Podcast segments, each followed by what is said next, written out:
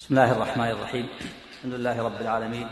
والصلاة والسلام على نبينا محمد وعلى آله وصحبه أجمعين. أما بعد فإن الإمام الطحاوي رحمه الله افتتح رسالته في علم أصول الدين بقوله نقول في توحيد الله معتقدين بتوفيق الله أن الله واحد لا شريك له ولا شيء مثله ولا إله غيره.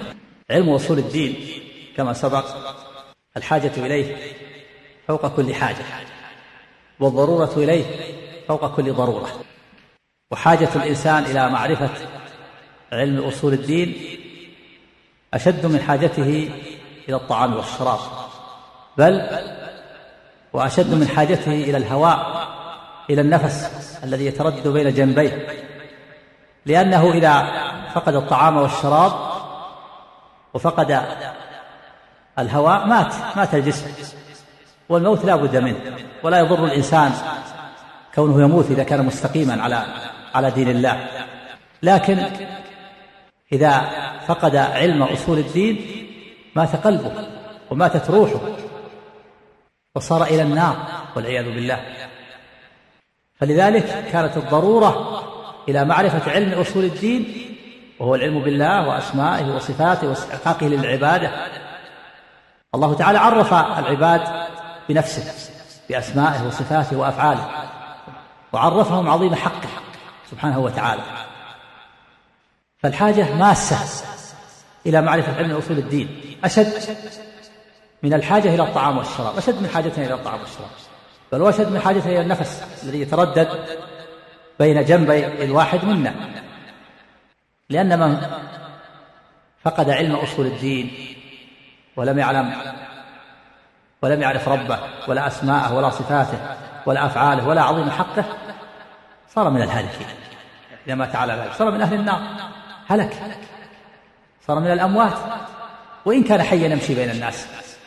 أو من كان ميتا فأحييناه وجعلنا له نورا يمشي به في الناس كمن مثله في الظلمات ليس بخارج منها. ولهذا سمى الله سبحانه وتعالى ما أنزله على نبيه الكريم عليه الصلاة والسلام وحيا.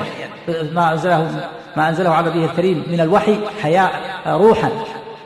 سماه روح لتوقف الحياة الحقيقية عليه. وسماه نورا لتوقف الاستنارة والاستضاءة عليه. قال تعالى يلقي الروح من أمره على من يشاء من عباده لينذر يوم التلاق.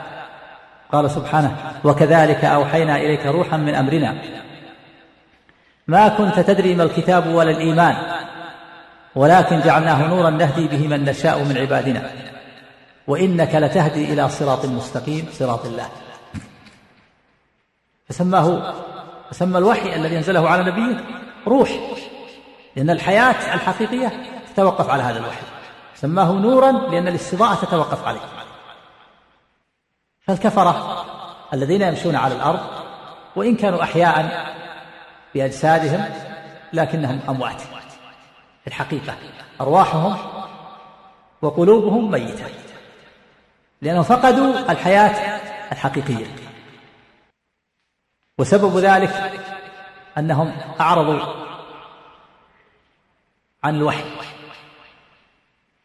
أعرضوا عن كتاب الله وأعرضوا عن سنة رسول الله وتركوا النظر والاستدلال الموصل إلى معرفة الله. فلما أعرضوا ضلوا. قال تعالى فإما يأتينكم مني هدى فمن اتبع هداي فلا يضل ولا يشقى. ومن أعرض عن ذكري فإن له معيشة ضنكا. ونحشره يوم القيامة أعمى. قال رب لم حشرتني أعمى وقد كنت بصيرا. قال كذلك أتتك آياتنا فنسيتها وكذلك اليوم تنسى. والكلام على التوحيد وأنواع التوحيد كله داخل في هذا الأمر العظيم هو علم أصول الدين. لأن الله تعالى يعرفنا بنفسه بأسمائه وصفاته وأفعاله وبعظيم حقه. ثم الأمر الثاني الشريعة. هي الأوامر والنواهي وعلم الحلال والحرام. هذا علم الفروع أتت به الشريعة. ثم بعد ذلك يعرفنا سبحانه وتعالى ما يكون لنا إذا قدمنا عليه ما يكون ما يحصل للإنسان إذا وصل إلى الله في الدار الآخرة. شؤون المعاد من البعث والنشور والحساب والجزاء والجنة والنار. وما يكون وما أعد الله للمؤمنين من الكرامة والنعيم. وما أعد الله للكافرين من العذاب السرمدي المهين. هذه هي هذا هو الذي جاءت به الرسل. وهذه هي أقسام العلم النافع. فالكلام في التوحيد في توحيد الربوبية توحيد الألوهية وتوحيد الأسماء والصفات. هذا هو الكلام في علم أصول الدين. هذا العلم هذا العلم الناتج عن معرفة هذه الأنواع الثلاثة التي عرفت بالاستقراء والتتبع هو علم أصول الدين. والأمر الذي بعث الله به رسله وأنزل به كتبه والتوحيد والتوحيد كما سبق قسمه العلماء إلى هذه الأقسام واستقرأوها من النصوص وتتبعوا النصوص فوجدوا أن التوحيد ينقسم إلى هذه الأقسام الثلاثة. توحيد الربوبية وهو أن توحد الله بأفعاله هو سبحانه وتعالى. أفعال الله من الخلق والرزق والإماتة والإحياء توحد الله بها. تعتقد أنه هو هو الفاعل هو الخالق هو الرازق هو المدبر هو المحيي هو المميت هو الرب. توحيد الله الثاني توحيد الله بأسمائه وصفاته. والمعنى أنك تثبت أسماء الله وصفاته. وتعتقد أن الله سمى نفسه بهذه الأسماء ووصف نفسه بهذه الصفات وأن حق وأن أسماءه حسنى وصفاته عليا. والثالث توحيد الألوهية والعبادة. وهو توحيد الله بأفعالك أنت أيها العبد. توحد الله بأفعالك أنت. من الصلاة والصيام والزكاة والحج بر الوالدين وصلة الرحم والدعاء والذبح والنذر والاستعاذة والاستغاثة والخوف والرجاء إلى غير ذلك الأمر بالمعروف والنهي عن المنكر والدعوة إلى الله والإحسان إلى الناس وكف الأذى وترك المحرمات طاعة لله وخوفا وخشية وتعظيما لله. هذا هو توحيد العبادة. توحد الله تفعل الأوامر. النواهي طاعة لله وخوفا ورجاء وتعظيما لله عز وجل. وهذه الأنواع الثلاثة وهي أنواع التوحيد متلازمة لا ينفك بعضها عن بعض ولا يصح ترك شيء منها لا يتم الإيمان ولا يصح الإيمان إلا بالإيمان بهذه الأنواع الثلاثة كلها هذه الأنواع الثلاثة كلها وهي متلازمة لا ينفك بعضها عن بعض. فتوحيد الربوبية يستلزم توحيد الألوهية وتوحيد الألوهية يتضمن توحيد الربوبية. ما معنى يستلزم؟ يستلزم يعني يدل عليه ويوجبه ويقتضيه. فإذا وحد الإنسان ربه بأفعاله واعتقد أنه هو الخالق الرازق المدبر المحيي أو المميت وجب عليه أن يعبده. ما تعتقد أنه هو الخالق وهو الرازق وهو المحيي وهو المميت وهو الذي له الأسماء الحسنى والصفة العلى وهو الذي خلقك وأوجدك من العدم وأسبغ عليك نعمه ظاهرة وباطنة وجب عليك أن تعبده. ولزمك أن تخصه بالعبادة. وأن تقدم محبته على محبة كل شيء. على محبة نفسك وأولادك وأهلك. لكن ليس كل أحد يلتزم بما لزم. هذا لازم. كل من أقر بتوحيد الربوبية واعترف بتوحيد الربوبية لزمه أن يوحد الله. في عبادته وألوهيته. لكن ليس كل أحد يلتزم بما لزمه. وتوحيد الألوهية متضمن لتوحيد الربوبية. بمعنى أن من وحد الله وعبد الله ففي ضمن ذلك اعترافه بأن بأنه, بأنه هو الرب الخالق الرازق المدبر. لولا أنه يعتقد أنه هو الخالق الرازق المدبر المحيي والمميت لما عبد وخصه بالعبادة. فلما عبد وخصه بالعبادة دل على أنه يعتقد أنه هو الرب الخالق الرازق المدبر الذي يملك النفع والضر الذي بيده النفع والضر. وهذه الدلالات وكذلك توحيد توحيد الأسماء والصفات. توحيد الأسماء والصفات متضمن مستلزم بتوحيد الألوهية. وهذه الدلالات التي تسمى هذه الدلالات الثلاث. المعروفة عند أهل العلم بدلالة الالتزام ودلالة التضمن ودلالة المطابقة. فدلالة الالتزام دلالة الشيء على خارج معناه دلالة الشيء على خارج معناه معناه كدلالة توحيد الربوبية على توحيد الألوهية دلالة الوالد على الولد. ودلالة التوبة على التائب. دلالة الشيء على خارج معناه أما دلالة التضمن فهي دلالة الشيء على جزء معناه لا على جميع معناه فتوحيد الربوبية جزء من توحيد الألوهية. ودلالة توحيد الألوهية على الربوبية والألوهية تسمى دلالة مطابقة. يعني دلالة المطابقة دلالة الشيء على جميع معناه. فتوحيد الألوهية يدل على الربوبية والألوهية بالمطابقة. بالمطابقة لأنها دل على جميع معناه. ويدل على الربوبية بالتضمن قد سبق بالأمس استعراض الطوائف التي أنكرت الربوبية وأنكرت الرب العظيم وأخلت بهذا النوع العظيم من أنواع التوحيد مع أنه أمر فطري فطر الله عليه جميع الخلق. وأما توحيد الأسماء والصفات فقد أخل به طوائف خالفه طوائف وهم طوائف المعطلة طوائف المعطلة الذين عطلوا الرب من أسمائه وصفاته. التعطيل من التعطيل من العطل وهو الخلو والفراغ. الدار إذا عطلت عن ساكن يقال تسمى الدار عطل. والبئر إذا هجرت ولم يؤخذ ينزح منها ماء تسمى بئر معطلة وبئر معطلة وقصر مشيد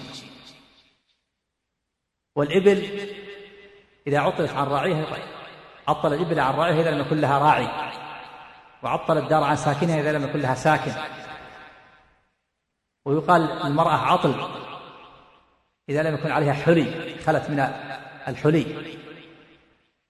فالمادة مادة العين والطاء واللا تدور على الخلو والفراغ ويقال لمن عطل العالم عن صانع أوجده وأتقنه معطل. وهؤلاء المعطلة عطلوا الرب من أسمائه وصفاته. وهم ثلاث فرق. فرقة الجهمية وفرقة المعتزلة وفرقة الأشاعرة. فرقة الجهمية وفرقة المعتزلة وفرقة الأشاعرة وهم متفاوتون في التعطيل. والكلام في على في هؤلاء المعطلة لأن لأن الناس ابتلوا بهم لأن هؤلاء المعطلة موجودون لأن هؤلاء المعطلة موجودون. الآن في هذا الزمن وفي أزمنة سابقة وكتبهم موجودة ومؤلفاتهم موجودة وشبههم موجودة ومنتشرة. فلا بد لطالب العلم أن يعرف هذه هذه الفرق ويعرف شبههم ويعرف ما هم عليه من الباطل حتى يحذره حتى لا يقع فيه. وكان السلف الصالح في عافية من هذه الشبه والكلام في شبه هؤلاء. فلم يكن بهم حاجة إلى أن يتكلموا في هذا البحث. ولكن لما تكلم لما وجد هؤلاء المعطلة وانتشروا بين الناس وانتشرت مؤلفاتهم وانتشرت شبههم وانطلت شبههم على بعض أهل السنة وتأثر بها بعض الناس صار لزاما على أهل الحق وأهل السنة أن يكشفوا الباطل وأن يزيفوه وأن يردوه إحقاقا للحق وإبطالا للباطل. فهذا ففرق المعطلة ثلاث الجهمية والمعتزلة والأشاعرة. والجهمية هم الذين ينتسبون إلى جهم بن صفوان. جهم بن صفوان وهو من وهذا الرجل ظهر في أوائل المئة الثانية. نسبت إليه نسب إليه تعطيل الصفات. نسب إليه لأنه هو الذي نشر عقيدة نفي الصفات. نشرها بين الناس وأظهرها.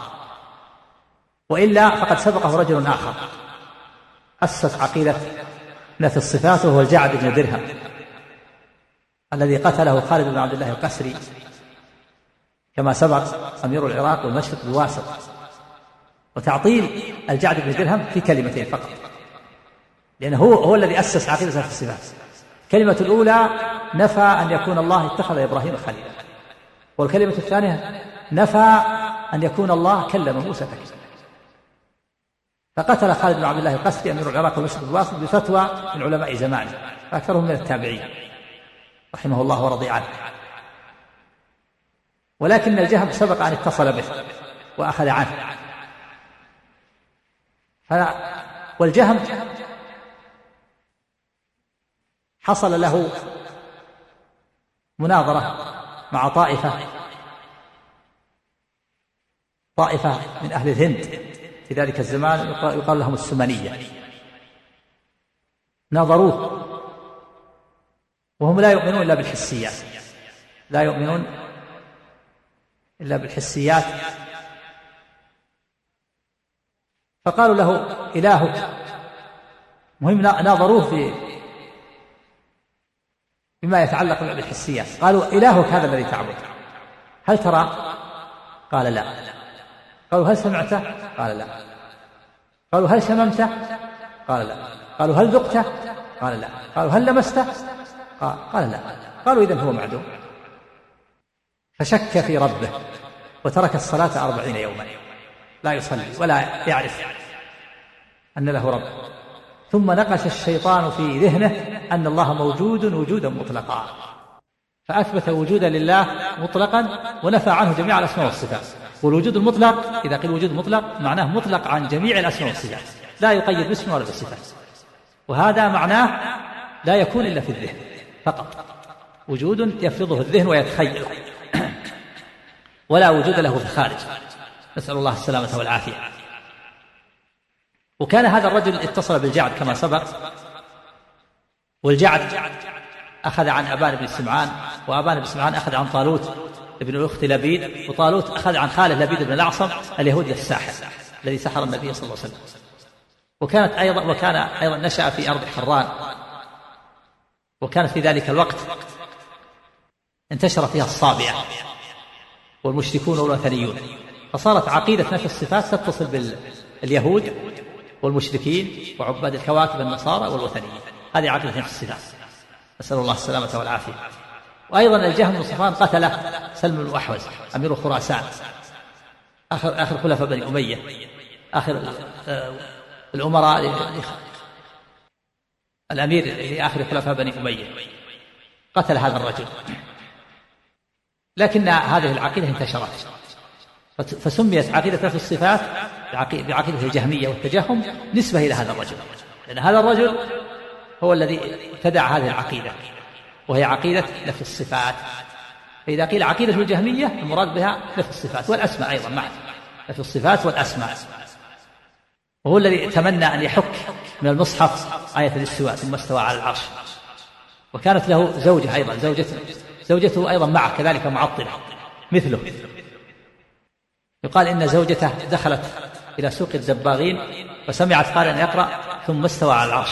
فقالت محدود على محدود. وقصدها من ذلك إنكار الاستواء. يعني أن الله لا يحد شيء إنكار أن الله فوق السماوات وأن الله على العرش. فعقيدة نفس الصفات نسبت إلى الجهمية لأن هذا الرجل اسمه الجهم بن صفان وهو الذي نشر هذا المذهب الخبيث. فإذا مذهب الجهمية التعطيل تعطيل الله عن أسمائه وصفاته. نفي أسماء الله وصفاته. ما هي شبهتهم؟ ما هي شبهتهم؟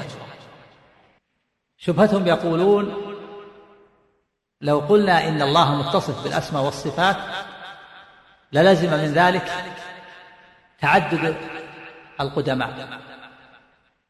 وأن يكون القدماء متعددين.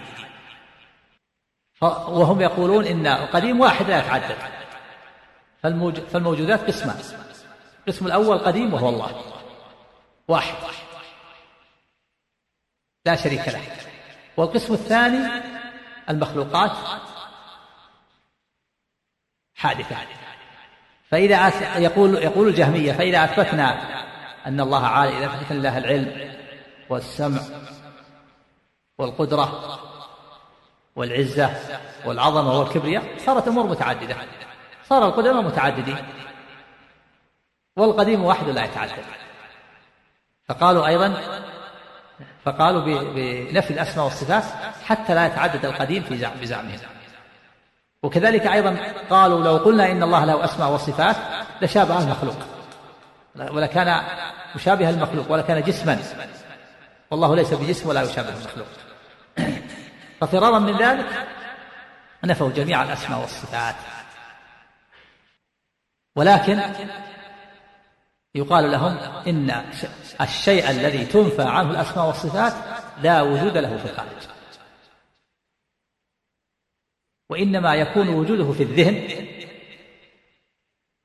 والذهن يتخيل المحال ويفرضه هاتوا شيئا موجودا في الخارج ليس له اسم ولا صفة. لا يوجد. لا يوجد. وهذا معروف عند العقلاء جميعا. أن الشيء الذي تنفى عنه جميع الأسماء والصفات لا يوجد له لا ليس له اسم ولا صفة فلا يوجد في الخارج. لا يوجد في الخارج محسوسا وإنما يوجد في الذهن فقط. والذهن يتخيل المحال ويفرض المحال. وبذلك يكون مذهب الجهمية القول بأن الله لا وجود له في الخارج وإنما وجوده في الذهن. ولهذا فإن مذهب الجهمية أفضى بقوم إلى القول بالحلول وأفضى بقوم آخرين إلى القول بالاتحاد مذهب الجهمية في نفي الصفات ونفي الأسماء عن الله وتعطيل الله من أسمائه وصفاته أوصل قوما إلى القول بالحلول وأن الله حال في كل شيء كيف ذلك؟ من الذي فتح لهم هذا الباب باب الشر؟ الذي فتح لهم الجهمية وجه ذلك أنهم لما نفوا الصفات والأسماء وبالغوا في نفيها تنزيها لله بزعمهم زعمهم ينزهون الله. عظموا وعظموا من أظهر الولاية لله. فقالوا إن من تمام تعظيم الله أن نقول بحلوله في فلان الصالح الرجل الصالح. فقالوا بحلول الله في الصالحين. الصالحين فقط. لأن هذا من تمام تعظيم الله. أن نقول بحلوله بفلان الصالح لأنهم عظموا الله بزعمهم ونزهوا الله وعظموا من أظهر الولاية لله فقالوا إن الله حل فيه. ثم تدرجت بهم الحال فقالوا إن من تمام تعظيم الله أن نقول بحلوله في كل شيء في كل مكان حتى لا نجعله في شيء معين. فاتح فبذلك وصلوا إلى القول بأن الله حل في كل مكان. نسأل الله السلامة والعافية. فإذا عباد الجهمية وطائفة الجهمية يقولون إن الله حال في كل مكان والعياذ بالله. ليس هناك شيء إلا يقولون إن الله حل فيه. هذا ربهم ومعبودهم الذي تخيلوه والعياذ بالله. وأما رب العالمين فهو منزه سبحانه وتعالى فوق ما يظنون وفوق ما يتصورون ويتوهمون. لكن معبود الجهمية في كل مكان والعياذ بالله. حتى في الحشوش والأبنية والأماكن القذرة. تعالى الله عما يقولون علوا كبيرا لكن هذا معبودهم هذا معبودهم والعياذ بالله. وأفضى مذهب الجهمية وهو القول بتعطيل الله من أسمائه وصفاته أوصل قوما آخرين إلى القول بالاتحاد والقول بوحدة الوجود. كيف ذلك؟ وجه ذلك أنهم أن الذي حملهم على نفي الأسماء والصفات بزعمهم تنزيه الله. تنزيه الله. حتى لا حتى لا يشابه المخلوق. حتى يكون هو الواحد وليس له شريك. زعموا أن هذا هو الذي حملهم على نفي الأسماء والصفات. فبالغوا في في هذا التنزيه طلبا لمرضاة الله فقالوا إن من تمام تعظيم الله أن ننسى أنفسنا فنسوا أنفسهم فنسوا كل شيء فناسوا كل شيء حتى أنفسهم تناسوا كل شيء يرونه في هذا الوجود حتى نسوا أنفسهم. فلما تناسوا ذلك صاروا يرون أنهم صاروا أنهم يرون أنهم لا يرون في هذا الوجود شيء إلا الله. قالوا ننسى كل شيء من تعظيم الله ومحبة الله أن ننظر إلى الله فقط وأن نتناسى كل شيء. حتى لا تشوش علينا تشوش علينا سيرنا إلى الله وطريقنا إلى الله؟ السماوات والأراضين والشمس والقمر والآدمين تشوش علينا فأنا أنساها أنساها من ال... أنساها من الشهود لا من الوجود أنساها. فناساها حتى لا تشوش علي. ما أنظر إلا إلى الله. ثم وصلت بهم الحال قالوا حتى أنكروها من أنكروا وجودها. فقالوا لا يوجد في هذا الكون إلا الله. فاتحد وجود الموجودات عندهم. فقالوا إن كل شيء تراه هو الله. والعياذ بالله وهكذا فعلت الصوفية. الصوفية ولاة الصوفية وصلوا إلى قول بوحدة الوجود. وذلك أنهم قالوا إن إن من تمام تعظيم الله وتنزيهه ألا نشاهد إلا الله. لا نشاهد إلا الله. فأنا أتناسى كل شيء. أتناسى السماوات والأراضين. أنا ما ما أنكرها. يقول أنا ما أنكرها. لكن لا لا أشاهد. شوش علي. ما أستطيع أنظر إلى هذه المخلوقات المتعددة. شوش علي. سيري إلى الله. فأنا ألغيها من الشهود. ما كأنها موجودة. ألغيها وألغي نفسي أيضا. حتى لا تشوش تشوش علي عبادتي مع الله. فأنكروها من الشهود. ثم تدرجت بهم الحال حتى أنكروها من الوجود. قال ليست موجودة. كل شيء تراه هو الله. كل شيء تراه هو مظاهر لتجلي الله. فالسماوات والأراضين والآدميين هي الله. وهي أسماء وصفات لله. وهي مظاهر لتجلي الله. فأنت الرب وأنت العبد. فاتحد وجود الموجودات عند الاتحادية والعياذ بالله. من الذي فتح لهم هذا الباب وهذا الشر؟ الجهمية. ولذلك عباد الجهمية حلولية يقولون بالحلول والاتحاد والعياذ بالله. ما الفرق بين الحلولية والاتحادية؟ كل من الطائفتين كفار من أكثر خلق الله. فالحلولية الذين يقولون إن الله حل في كل مكان. كالماء حل في الكوس. فهم يقولون بوجودين اثنين. لكن أحدهما حل في الآخر. وبناء على ذلك من فروع مذهبهم أن عباد الحق أن عباد الأصنام على الحق والصواب.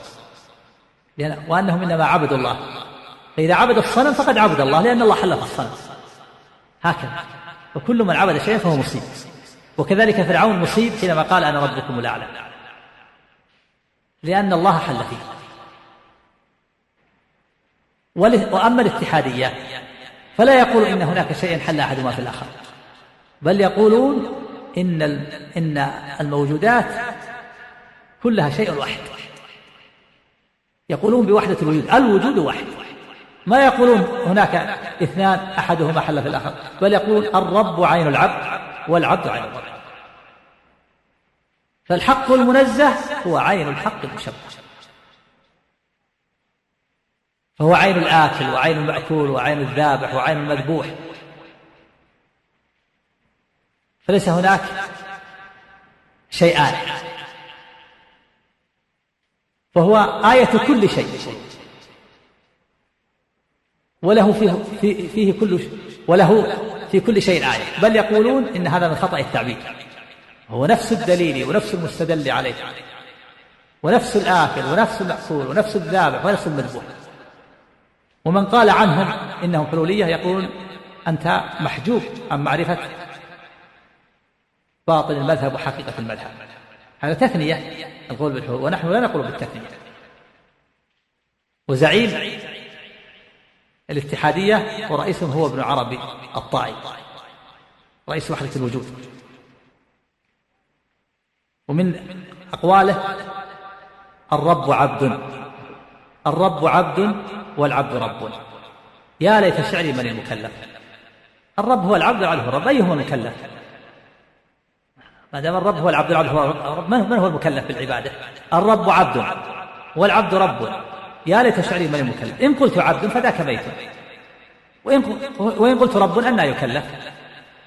وفي رواية إن قلت عبد فذاك نفي ما في لا وجود له. وإن قلت رب أن يكلف إذا ما في تكليف ما في تكليف. ويقول ابن عربي أيضا من أسماء الله الحسنى العلي. ثم يقول علي على من؟ علي على من؟ وما ثم إلا هو. وعن ماذا؟ وما هو إلا هو؟ ويقول سر حيث شئت. فإن الله ثم وقل ما شئت فيه فالواسع الله. ويقول سر حيث شئت. فالله ثم. كل شيء تراه والله ثم يعني هناك سر حيث شئت فالله ثم. وقل ما شئت فيه فالواسع الله. بعض الإخوان قد يستغرب مثل هذا الكلام ويظن هذا الكلام موجود الآن. موجود ومؤلف ومدون يسمى يسمى الاتحادية الآن يسمون العارفين والمحققين يسمون العارفين بالله ويسمى ابن عربي من أكبر العارفين. مؤلفة موجودة منتشرة في البلدان العربية وغيرها. وتطبع بطبعات بطبعات واضحة وأوراق فخمة ويعتنى بها وتحقق موجودة الآن منتشرة.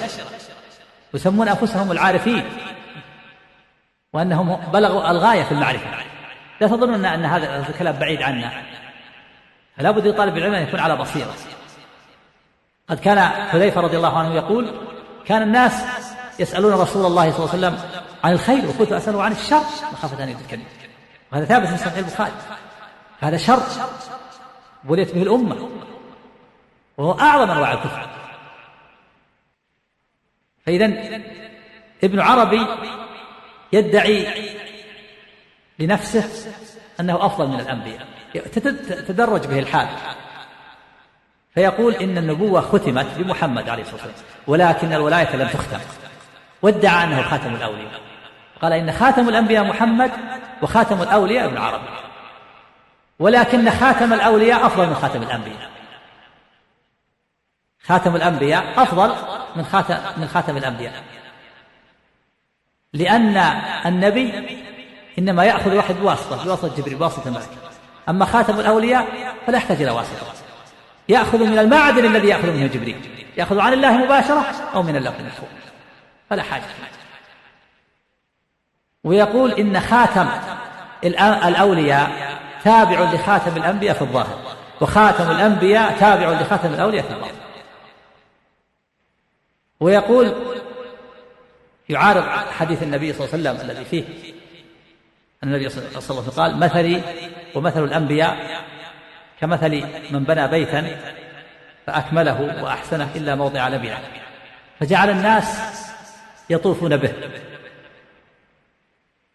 ويعجبون ويقولون لولا تلك اللبنة. فأنا تلك اللبنة وأنا خاتم النبيين يقول ابن عربي في كتاب فصوص الحكم له كتاب كل مؤلفات. كتاب فصوص الحكم كتاب الفتوحات المكية وكتاب الهو. يقول إن خاتم الأنبياء رأى هذه الرؤية. رأى هذا البيت ورأى موضع لبنة. ورأى نفسه تنطبع في هذه اللبنة تكمل الحال. ولا بد لخاتم الأولياء أن يرى مثل هذه الرؤية. ويرى أن الحائط مكون من لبنتين لبنة ذهب ولبنة فضة. ويرى نفسه تنطبع مكان لبنة الذهب. وخاتم الأنبياء تنطبع نفسه مكان لبنة الفضة. فيجعل نفسه لبنة الذهب والرسول صلى الله عليه وسلم لبنة الفضة. ويقول إن إن خاتم الأولياء يأخذ عن الله في السر ما هو في الصورة الظاهرة تابع فيه لخاتم الأنبياء. في الظاهر تابع له لأنهم منافق الزنادقة ما ما يظهرون الكفر كما سيأتي في حكمهم. ما يظهرون كفرهم فهم يتظاهرون بالإسلام حتى لا تقطع رقابهم. فيدعي أنه تابع في الظاهر قد يصلي مع الناس. كما كان عبد الله بن أبي رئيس المنافقين في زمن يصلي يؤدي الشعائر الظاهرة لكن في الباطن يعتقد هذه العقيدة الخبيثة. ويقول ابن عربي فإن فهمت ذلك فقد حصل لك العلم النافع. والعلم النافع الذي أراه الذي يريده هو حقيقة قول فرعون. وهو أن هذا الوجود المشهود هو عين وجود الله. ليس هناك رب وعبد بل الرب هو العبد والعبد هو الرب. لكن فرعون أعرف بالله في الباطن من وحدة الوجود.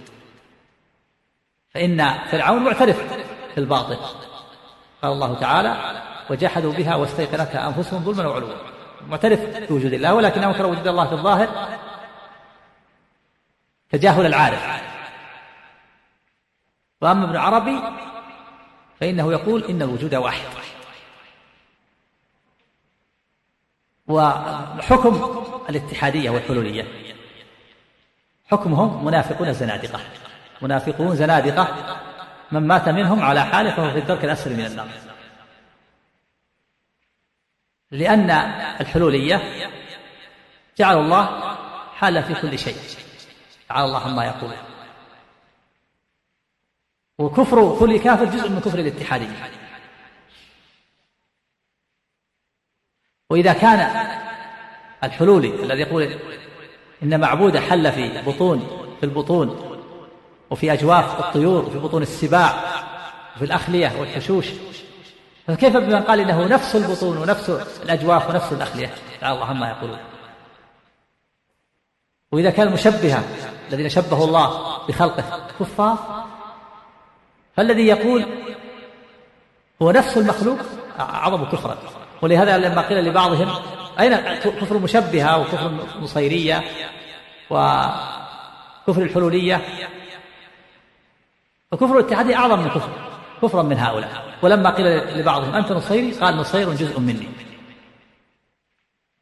إذا حكم الاتحادية والحرية منافقون زنادقة. ومن أعظم كفرا ممن ضرب لنفسه المثل بلبنة الفضة الذهب وللرسول صلى الله عليه وسلم المثل بلبنة الفضة. وكفر هؤلاء فوق كفر الذين قالوا لن نؤمن حتى نؤتى مثل ما أوتي رسول الله. هؤلاء الذين قالوا لن نؤمن حتى نؤتى مثل ما أوتي رسول الله طلبوا أن يكونوا مثل الرسل فكفرهم الله. فكيف بمن قال إنه أعلى من الرسل؟ العربي يقول أعلى من الرسل. وأفضل فيكون كفر أعظم. ومن أخف أقوال يكفيك دليلا على كفر الاتحادية أن من أخف أقوالهم أن فرعون مات مؤمنا بريا من الذنوب خليا من الذنوب. موحد وهم من أعظم العارفين. ويقول إنه مصيب حينما قال أنا ربكم الأعلى يقول على الحق. لأن وجود واحد. زميلهم وأخوهم. فيقول إنه مات بريا خليا من الذنوب. بل بالغوا في ذلك كما ذكر العلامة ابن القيم رحمه الله في القصيدة النونية يقول إن فرعون أغرقه الله. أغرق لماذا؟ أغرق تطهيرا له من الحسبان. كيف تطهيرا له من الحسبان؟ يقول حينما قال أنا ربكم الأعلى غلطان يظن إنه هو الرب فقط؟ كل شيء تراه هو الرب الأعلى. فأغرق تطهيرا له من هذا من هذا الحسبان من هذا الوهم فتطهر. فلما أغرق تطهر. صار بريا خليا من الجن. أغرق حينما قال أنا ربكم الأعلى. يقول أنت غلطان حينما تقول أنا ربكم الأعلى. بس أنت الرب فقط. كل شيء تراه هو الرب. لا لا تخصص. الكفر عند الاتحادية بالتخصيص. فمن قال لا تعبد إلا هذا الشيء فهذا كافر عند الاتحادية. بل كل شيء بل كل شيء يعبد. فمن عبد الأصنام ومن عبد الأوثان ومن عبد النار ومن عبد الصلبان كله على حق. والكفر إنما هو بالتخصيص. فالذي يخصص هو الكافر. ولما خصص فرعون خصص نفسه بالألوهية أغرق تطهيرا له من هذا الحسبان وهذا الوهم فلما أغرق تطهر وصار بريا خليا من الذنوب. هكذا يقول ابن عربي هكذا يقول الاتحادية والعياذ بالله. وعلى هذا فيكون مذهب الاتحادية أنه ليس هناك خالق ومخلوق ولا رب ولا عبد ولا شريعة ولا حلال ولا حرام ولا أمر ولا نهي. ولا كفر ولا إيمان. إلا الذي الذي يخصص الشيء هو الكافر. والذي يترك الناس على حالهم كل يعبد ما يشاء هو الموحد الذي يقول لا تعبد إلا هذا الصنم هذا هو الكافر. كل أحد يعمل ما يشاء. الذي يعبد الصنم على حق والذي يعبد النار على حق والذي يتدين باليهودية على حق والذي يتدين بالنصرانية على حق والذي يتدين بالوثنية على حق. لأن الوجود واحد. نسأل الله السلامة والعافية. فإذا هؤلاء كفار ملاحدة زنادقة ما حكمهم؟ حكمهم تجرى عليهم أحكام المسلمين في الدنيا ما داموا يخفون هذا الكفر. لأنهم يخفون الكفر. لكن هذا في مؤلفاتهم وفيما بينهم. لكن على مر العصور إذا وجدوا في الدولة الإسلامية التي تقيم الحدود يخفونه. حتى لا تقطع رقابهم. فإذا من أخفى كفرا من الاتحادية؟ ماذا نعمل؟ يعامل تعامله الدولة الإسلامية معاملة المسلمين. كما كان النبي صلى الله عليه وسلم يعامل المنافقين في زمنه معاملة المسلمين. يغسلون ويصلى عليهم ويدفنون في مقابر المسلمين ويورثون. إلا من أظهر كفره من أظهر شيئا من كفره يعامل معاملة المرتد ويقتل. عبد الله بن أبي رئيس المنافقين في زمن النبي صلى الله عليه وسلم. ولما مات كما ثبت في صحيح البخاري أنه لما دلي في حفرته جاءه النبي صلى الله عليه وسلم وأمر به فأخرج من حفرته ونفث فيه من ريقه وألبسه قميصه وصلى عليه عليه الصلاة والسلام. فلما أراد أن يصلي جذب عمر جذب النبي ثوب النبي صلى الله عليه وسلم قال يا رسول تصلي عليه المنافقون وقد نهاك ربك رئيس المنافقين فقال النبي صلى الله عليه وسلم أخر عني يا عمر. فإني قد خيرت. فقيل لي استغفر لهم أو لا تستغفر لهم. إن تستغفر لهم سبعين مرة فلن يغفر الله لهم. ولو أعلم أني إن زدت على السبعين أن يغفر لهم لزدت على السبعين. فصلى عليه لأن النبي صلى الله عليه وسلم ما جاءه النهي. في أول الأمر. ما في نهي عن الصلاة. ولأن والنبي صلى الله عليه وسلم ألبسه قميصة مكافأة له. على إعطائه على إعطاء عبد الله بن أبي قميصا للعباس عم النبي صلى الله عليه وسلم. كان عبد الله بن أبي طويلا والعباس طويل. ولا وجد ثوب يناسبه إلا ثوب عبد الله بن أبي. فأعطاه مكافأة له. ولعل الله أن ينفعه بذلك لأنه لم ينهى. ومراعاة للأنصار رهطه الأوس من الأنصار ومراعاة لابنه عبد الله عبد الله بن عبد الله كان من أصلح المؤمنين ابن عبد الله بن أبي عبد الله بن عبد الله. ولما قال ابن أبي عبد الله بن أبي مقالة الخبيثة لئن رجعنا إلى المدينة لا يخرجن الأعز منها الأذل وقف له ابن عبد الله. قال والله لا تدخل المدينة حتى تكون أنت الأذل ورسول الله صلى الله عليه وسلم هو الأعز. وجاء إلى النبي صلى الله عليه وسلم قال يا رسول الله ما معناه سمعتك؟ تريد قتل أبي.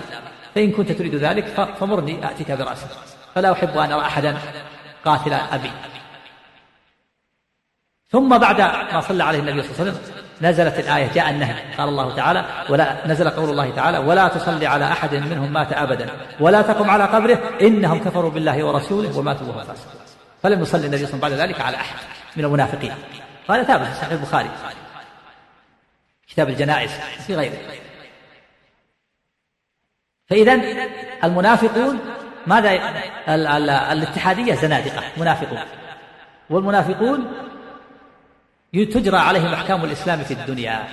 إذا لم يظهر منهم ما يدل على كفرهم. فإن ظهر منهم ما يدل على كفرهم يعامل معاملة المرتد ويقتل. ومن ذلك القصة التي ساقها الشيخ محمد بن عبد الوهاب رحمه الله في كتاب التوحيد. ساقها ابن كثير رحمه الله. على قوله ألم ترى الذين يزعمون أنهم آمنوا بما أنزل إليك يريدون أن يتحاكموا إلى الطاغوت وقد أمروا أن يكفروا به. وهو أن رجلان رجل من اليهود ورجل من المنافقين اختصما في شيء. فقال اليهودي نتحاكم إلى كعب بن الأشرف فقال, فقال, فقال اليهودي نتحاكم إلى محمد. لعلمه أنه لا يأخذ الرشوة وقال المنافق نتحاكم إلى كعب بن الأشرف نتحاكم إلى كعب بن الأشرف لعلمه أنه يأخذ الرشوة. ثم بدا لهما أن يتحاكما إلى عمر فتحاكم إليه وأخبره بالخبر فسأل عمر المنافق حق ما يقول صاحبك وأنك لم ترد حكم الرسول؟ قال نعم. فقال اجلسا فدخل بيته اشتمل على سيفه فضرب عنق المنافق لأنه أظهر نفاقه. إن صحت هذه القصة إن صحت فيها دليل على أن على أن المنافق إذا أظهر نفاقه قتل. ولكن هذا من قبل ولاة الأمور. من قبل ولاة الأمور قبل حتى بعد ما يقام عليه الحكم الشرعي. المقصود أن المنافقين حكمهم في الدنيا الاتحادية والحلولية والحلولية حكم منافقون زنادقة. لأنهم يبطلون الكفر العظيم ويظهرون الإسلام. فمن لكن من أظهر منهم نفاقه فإنه يقتل. أما حكمه في الآخرة فالاتحادي في الدرك الأسفل من النار إذا مات على الاتحادي في الدرك الأسفل من النار. قال الله تعالى إن المنافقين في الدرك الأسفل من النار ولن تجد لهم نصيرا. وهل تقبل توبته أو لا تقبل؟ أما إذا أخذ قبل التوبة فإنه لا تقبل بل يقتل. وأما إذا أخذ بعد ما أظهر التوبة ففيه خلاف بين أهل العلم. فيه قولان لأهل العلم. القول الأول أنه لا لا يقبل. لأن هذا كفر كفر وخيم كفر عظيم. بل لا بد من قتله ولو ادعى التوبة ما نقبل توبته في الدنيا. لا بد أن يقتل. فالمنافق ومن سب الله وسب الرسول عليه الصلاة والسلام أو استهزأ بالله أو بكتابه ورسله كذلك الساحر. الصواب أنهم لا تقبل توبتهم بمعنى أنه لا بد لا, لا بد أن ينفذ فيهم حكم القتل. قرر هذا الشيخ الإسلام رحمه الله في الصارم المسلول على شاتم الرسول عليه الصلاة والسلام. وأما في الآخرة فأمرهم إلى الله. من صدق في توبته فالله يقبله في الصادقين. وإن كان كاذبا فله حكم كاذبين لكن في الدنيا يعاملون معاملة المرتدين ولا تقبل توبتهم بل يقتلون حتى لا يتجرأ الناس على مثل هذا الكفر العظيم الوخيم. فإذا مذهب الاتحادية والعياذ بالله يقولون إن الله هو الوجود المطلق. وجود مطلق وجود في الذهن. اكتسته الماهيات فهو عينها. فقط. الماهيات يعني الذوات. اكتسته فهو عينها. فهو الوجود المطلق. ولا تزال المحدثات تكتسيه. تلبسه وتخلعه. هكذا. فالوجود المطلق يعني وجود في الذهن. تلبسه المحدثات. النبات يلبسه.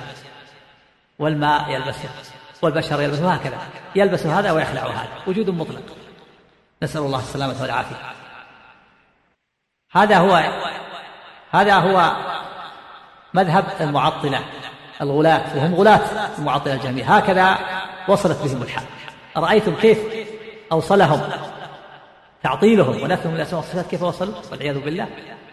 وهذا سببه الإعراض عن كتاب الله وسنة رسوله صلى الله عليه وسلم.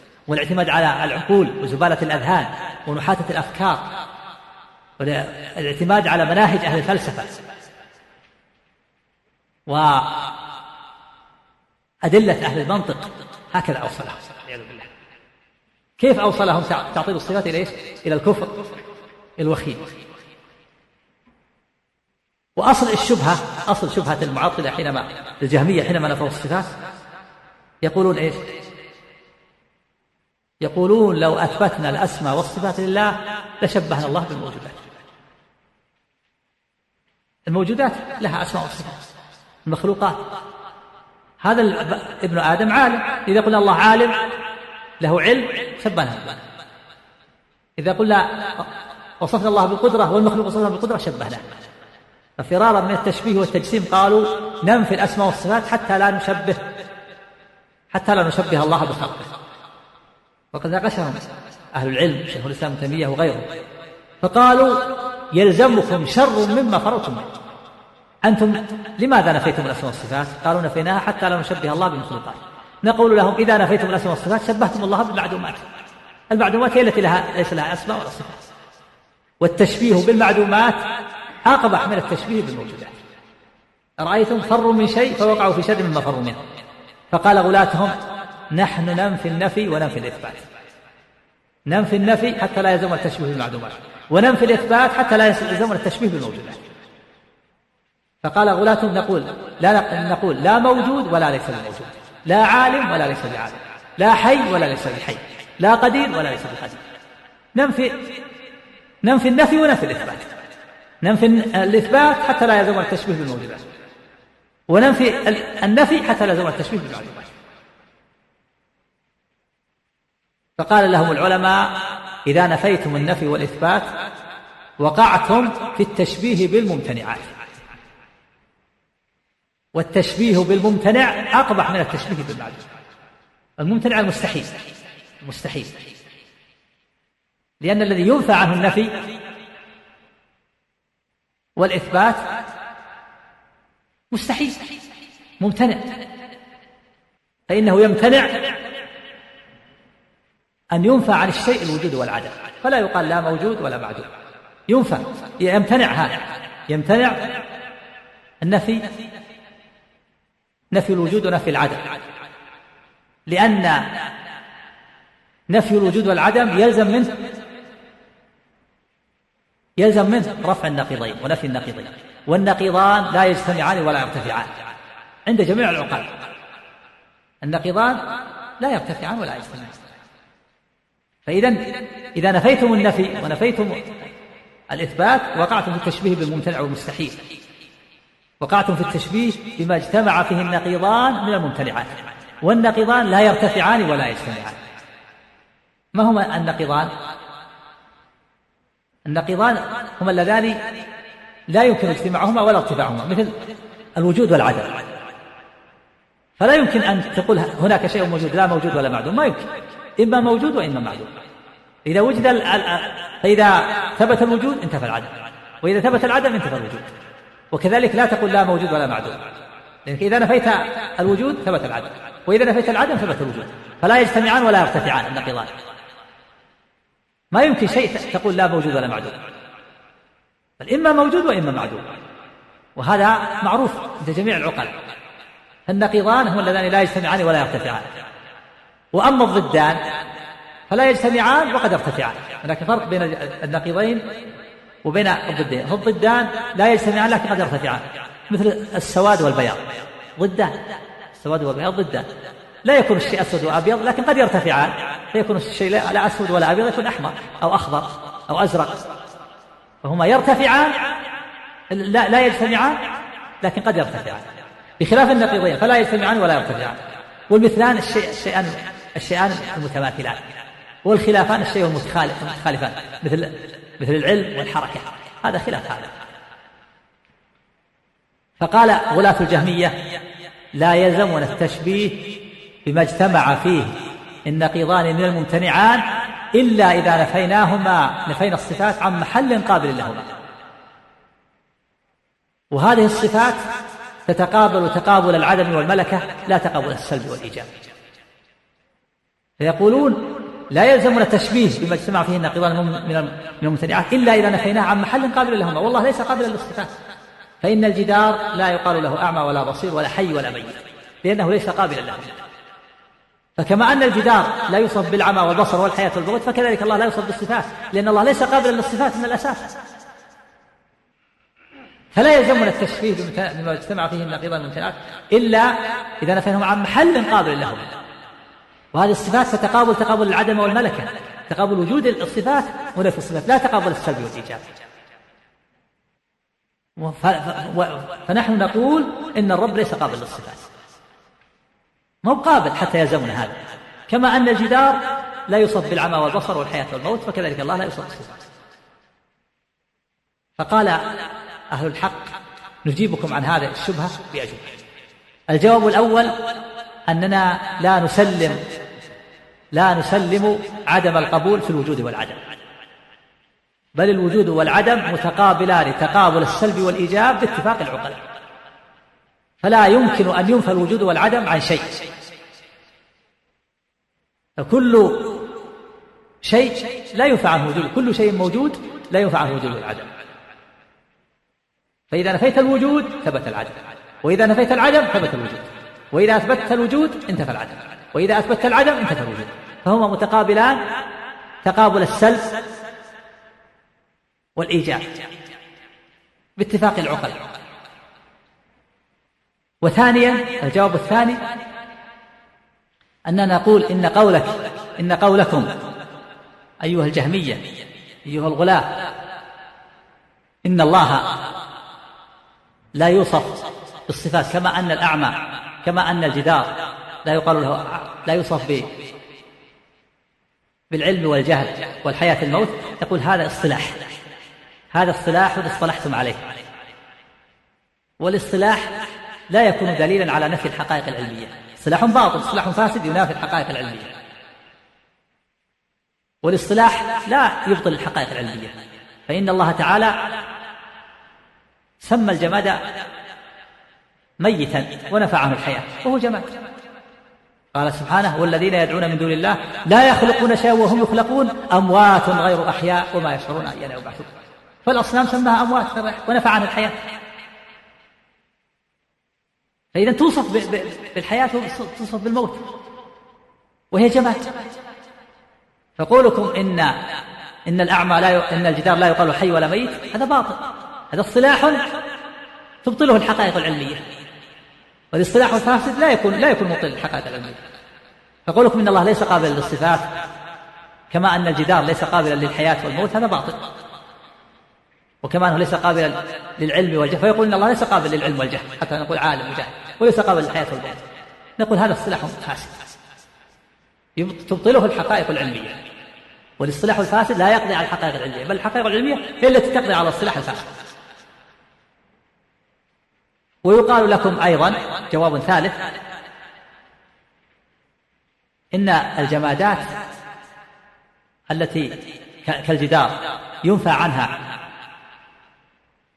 العمى والبصر وينفى عنها العلم والجهل أنقص من الحيوانات التي تقبل ذلك.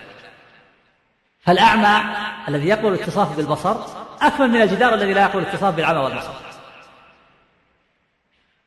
والجاهل الذي يقبل الاتصاف بالعلم ويتعلم أكمل من الجدار الذي لا يقبل الاتصاف بالعلم والجهل.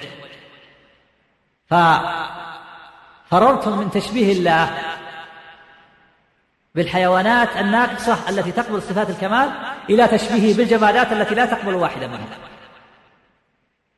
التشبيه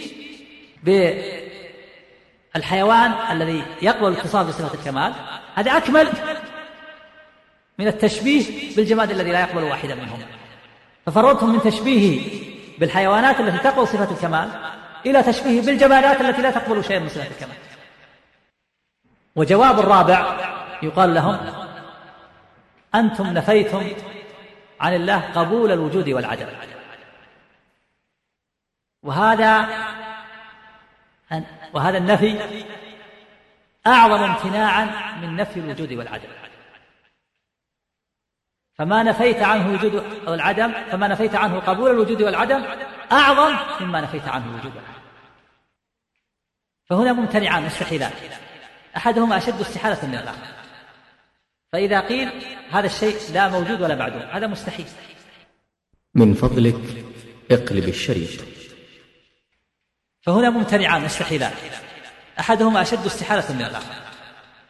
فإذا قيل هذا الشيء لا موجود ولا معدوم هذا مستحيل. مستحيل شيء موجود تنفي عنه وجود هذا مستحيل. تقول هذا الشيء لا لا موجود ولا معدوم. لكن هناك مستحيل أعظم منه وهو الذي تنفي عن قبول وجود العدم. فإذا قلت هذا الشيء لا موجود ولا معدوم هذا مستحيل. وإذا قلت هذا الشيء لا يقبل وجوده والعدم هذا مستحيل أعظم. أعلى درجة في الاستحالة. وهم قالوا إن الله لا يقبل وجود العدم شبهوا بأي شيء؟ بالمستحيل الأعظم ولا بالمستحيل الأخف والأسهل بالمستحيل الأعظم. فنفوا عن الله قبول الوجود والعدم الذي هو أعظم امتناعا من نفي الوجود والعدم. فجعلوا وجود الواجب وجود الله سبحانه وتعالى الذي هو أكمل الذي وجوده أكمل من وجود كل موجود جعله غاية الممتنعات وغاية المستحيلات. تعالى الله عما يقولون علوا كبيرا. أرأيتم كيف وصلت بهم الحال والعياذ بالله؟ والله سبحانه وتعالى وجوده أظهر من كل موجود. وكل موجود كل موجود لا بد أن يرى. ليس هناك موجود ما يرى. وكلما كمل وجود الشيء كان أحق بأن يرى من غيره. والله تعالى أكمل وجودا وجوده أكمل من وجود كل موجود. هو سبحانه وتعالى الحي القيوم. الله لا إله إلا هو الحي القيوم. القائم بنفسه المقيم لغيره سبحانه وتعالى. ولكن امتنعت ولكن انتفت رؤيته في الدنيا لأن البشر لا يتحملون رؤية الله عز وجل في الدنيا ولا يثبتون لرؤية الله. ولهذا لما سأل موسى ربه أن يريه نفسه قال ربي أرني أنظر إليه قال الله لن تراني قال الله قال الله لن تراني ولكن انظر إلى الجبل فإن استقر مكانه فسوف تراني. فلما تجلى ربه للجبل جعله دكا وخر موسى صاعقا. فإذا الجبل ما ثبت لرؤية الله تدكتك فكيف بالبشر الضعيف الناقص؟ فلا يمكن يتحمل الإنسان رؤية الله ولا يثبت برؤية الله. ولهذا ثبت في صحيح مسلم أن النبي صلى الله عليه وسلم ولهذا الصواب من قول العلماء أن النبي صلى الله عليه وسلم لم يرى ربه ليلة المعراج. هذا هو الصواب. أصوب القولين في خلاف بين أهل العلم. والصواب أنه ليس لم يرى أحد الله سبحانه وتعالى في الدنيا أبدا وهذا متفق عليه بين أهل العلم أنه ما رأى أحد ربه في الدنيا إلا نبينا صلى الله عليه وسلم ليلة المعراج في السماء. في خلاف. أما غيره غير نبينا صلى الله عليه وسلم فاتفق العلماء على أنه لا يراه أحد. ما عدا بعض الصوفية. بعض الملاحدة بعض الصوفية يقولون يمكن يرى الله. بعض المشبهة يقول إن الله ينزل عشية عرفة على جبل ويصافح ويسامر ويعانق. قال بعضهم إنه يندم ويحزن ويبكي تعالى الله عما يقول كما تقول اليهود.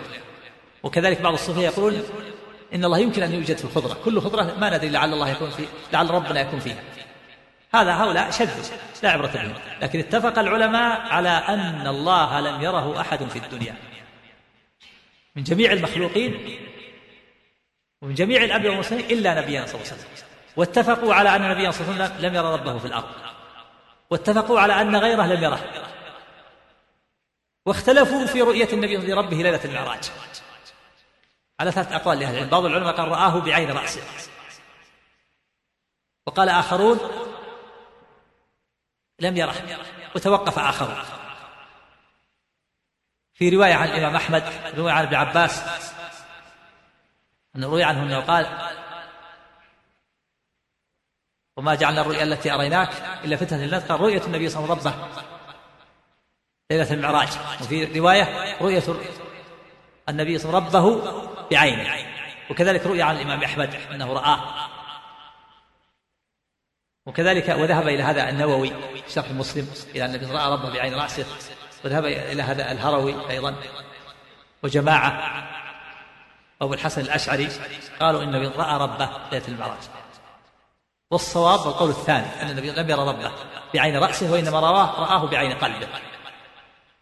وقد أنكرت عائشة رضي الله عنها على مسروق لما قال هل رأى محمد ربه قالت لقد قف شعري مما قلت. ثم قالت من حدثك أن محمد رأى ربه فقد كذب. وهذا هو الصواب. الصواب أن النبي لم يرى ربه بعين رأسه. لما ثبت في صحيح مسلم عن أبي ذر رضي الله عنه أن النبي صلى الله عليه وسلم انه سأل النبي هل رأيت ربك؟ قال رأيت نورا. وفي لفظ نور أن اراه ولما ثبت في صحيح مسلم من حديث أبي موسى الأشعري رضي الله عنه أن النبي صلى الله عليه وسلم قال إن الله لا ينام ولا ينبغي له أن ينام. يرفع قسط يرفع إليه عمل الليل قبل عمل النهار وعمل النهار قبل عمل الليل. حجابه النور وفي رواية النار. لو كشفه لاحرقت سبحات وجهه ما انتهى اليه بصره هذا عام. أن الله تعالى حجابه النور لو كشف النور لا أحرق سبحة وجهه ما انتهى إليه بصره من خلقه ومحمد من خلقه عليه الصلاة والسلام. هذا هو الصواب النبي لم يرى ربه بعين رأسه وإنما رآه بعين قلبه ولأن الرؤيا نعيم نعيم ذكرها الله لأهل الجنة. الله تعالى وجوده أكمل من وجود كل موجود لكن تعذرت رؤيته في الدنيا بسبب ضعف البشر عدم تحمل البشر. لا يتحمل رؤية الله. لكن في يوم القيامة ينشئ الله المؤمن نشأة قوية يثبتون فيها لرؤية الله ويتحمل رؤية الله. هم يرون الله في موقف القيامة ويرونه سبحانه وتعالى في الجنة. بل إن رؤية المؤمن لربهم في الجنة أكمل نعيم وأعظم نعيم يعطاه في الجنة. حتى إنهم ينسون جميع ما هم فيه من النعيم. هم ينسون جميع ما فيه من النعيم. وهي الزيادة التي قال الله تعالى فيها للذين أحسنوا الحسنى وزيادة. نسأل الله الكريم من فضله فأعظم نعيم يعطاه أهل الجنة هو رؤية الله في الآخرة وادخرها فادخرها الله سبحانه وتعالى لهم. وأما في موقف القيامة اختلف العلماء في رؤية أهل الموقف. فمن العلماء من قال يراه أهل الموقف جميعا مؤمنهم وكافرهم ثم يحتجب عن الكفار. ومنهم من قال يراه المؤمنون والمنافقون فقط. وهذا له أدلة من أدلة ما ثبت في الصحيح بل في الصحيحين. أن النبي صلى الله عليه وسلم قال إذا كان يوم القيامة يقول الله لتتبع كل أمة ما تعبد. فتتبع اليهود العزير وتتبع النصارى. وهكذا حتى يتساقطون في النار ويلقون في النار. كفر يساقون إلى النار وتبقى هذه الأمة وفيها منافقوها. فيتجلى الله لهم سبحانه وتعالى فيسجدون له. فيسجد له المؤمنون ويريد الكفار أن يسجدوا فيجعل الله ظهر كل واحد منهم طبقا لا يستطيع السجود. قال الله سبحانه وتعالى يوم يكشف عن ساق ويدعون إلى السجود فلا يستطيعون هذه علامة جعل الله للمؤمنين. كشف عن ساقه سبحانه وتعالى. علامه بينه وبينهم. فإذا رأوا سجدوا فسجد المنافقون. لأن المنافقين كانوا مع المسلمين في الدنيا يظهرون فظنوا انها أن هذه الكونية تنفعهم. ولذلك يسير المؤمنون والمنافقون جميعا. ثم ومعهم النور ثم ينطفئ نور المنافقين. فيقول المنافقون يبقون في الظلمة. للمؤمنين انظرونا نقتبس من نوركم. قفوا حتى نقتبس. ظنوا. لا لا زال بهم خداعهم والعياذ حتى في حتى في موقف القيامة. قالوا انظروا نقتبس من نوركم. ألم نكن معكم في الدنيا؟ ما كنا معكم نصلي معكم نصوم. قالوا بلى ولكنكم فتنتم أنفسكم وتربصتم وارتبتم وغرتكم الأماني حتى جاء أمر الله وغركم بالله الغرور. فاليوم لا يؤخذ منكم فدية ولا من الذين كفروا مأواكم النار هي مولاكم وبئس المصير. فإذا انطفأ نور المنافقين وقالوا المؤمنين انظروا إلى قدس من نوركم قيل ارجعوا وراءكم فالتمسوا نورا فضرب بينهم بسور له باب باطنه فيه الرحمة وظاهره من قبله من قبله العذاب انفصلوا انفصلوا. فلما انفصلوا وبقوا في الظلمة صاروا ينادون المؤمنين ينادونهم. ألم نكن معكم؟ انظرونا نقتبس من نوركم. أعطونا شيء من النور أعطونا شيء من النور. لا ما ينفع. ذهب ذهب البهرج والباطل. ظهر الحق. نسأل الله السلامة والعافية ونسأله سبحانه وتعالى أن يرزقنا وإياكم الثبات على دينه ولزوم الصراط المستقيم وأن لا يزيغ قلوبنا بعد إذ هدانا. إنه على كل شيء قدير. وصلى الله وسلم على نبينا محمد وعلى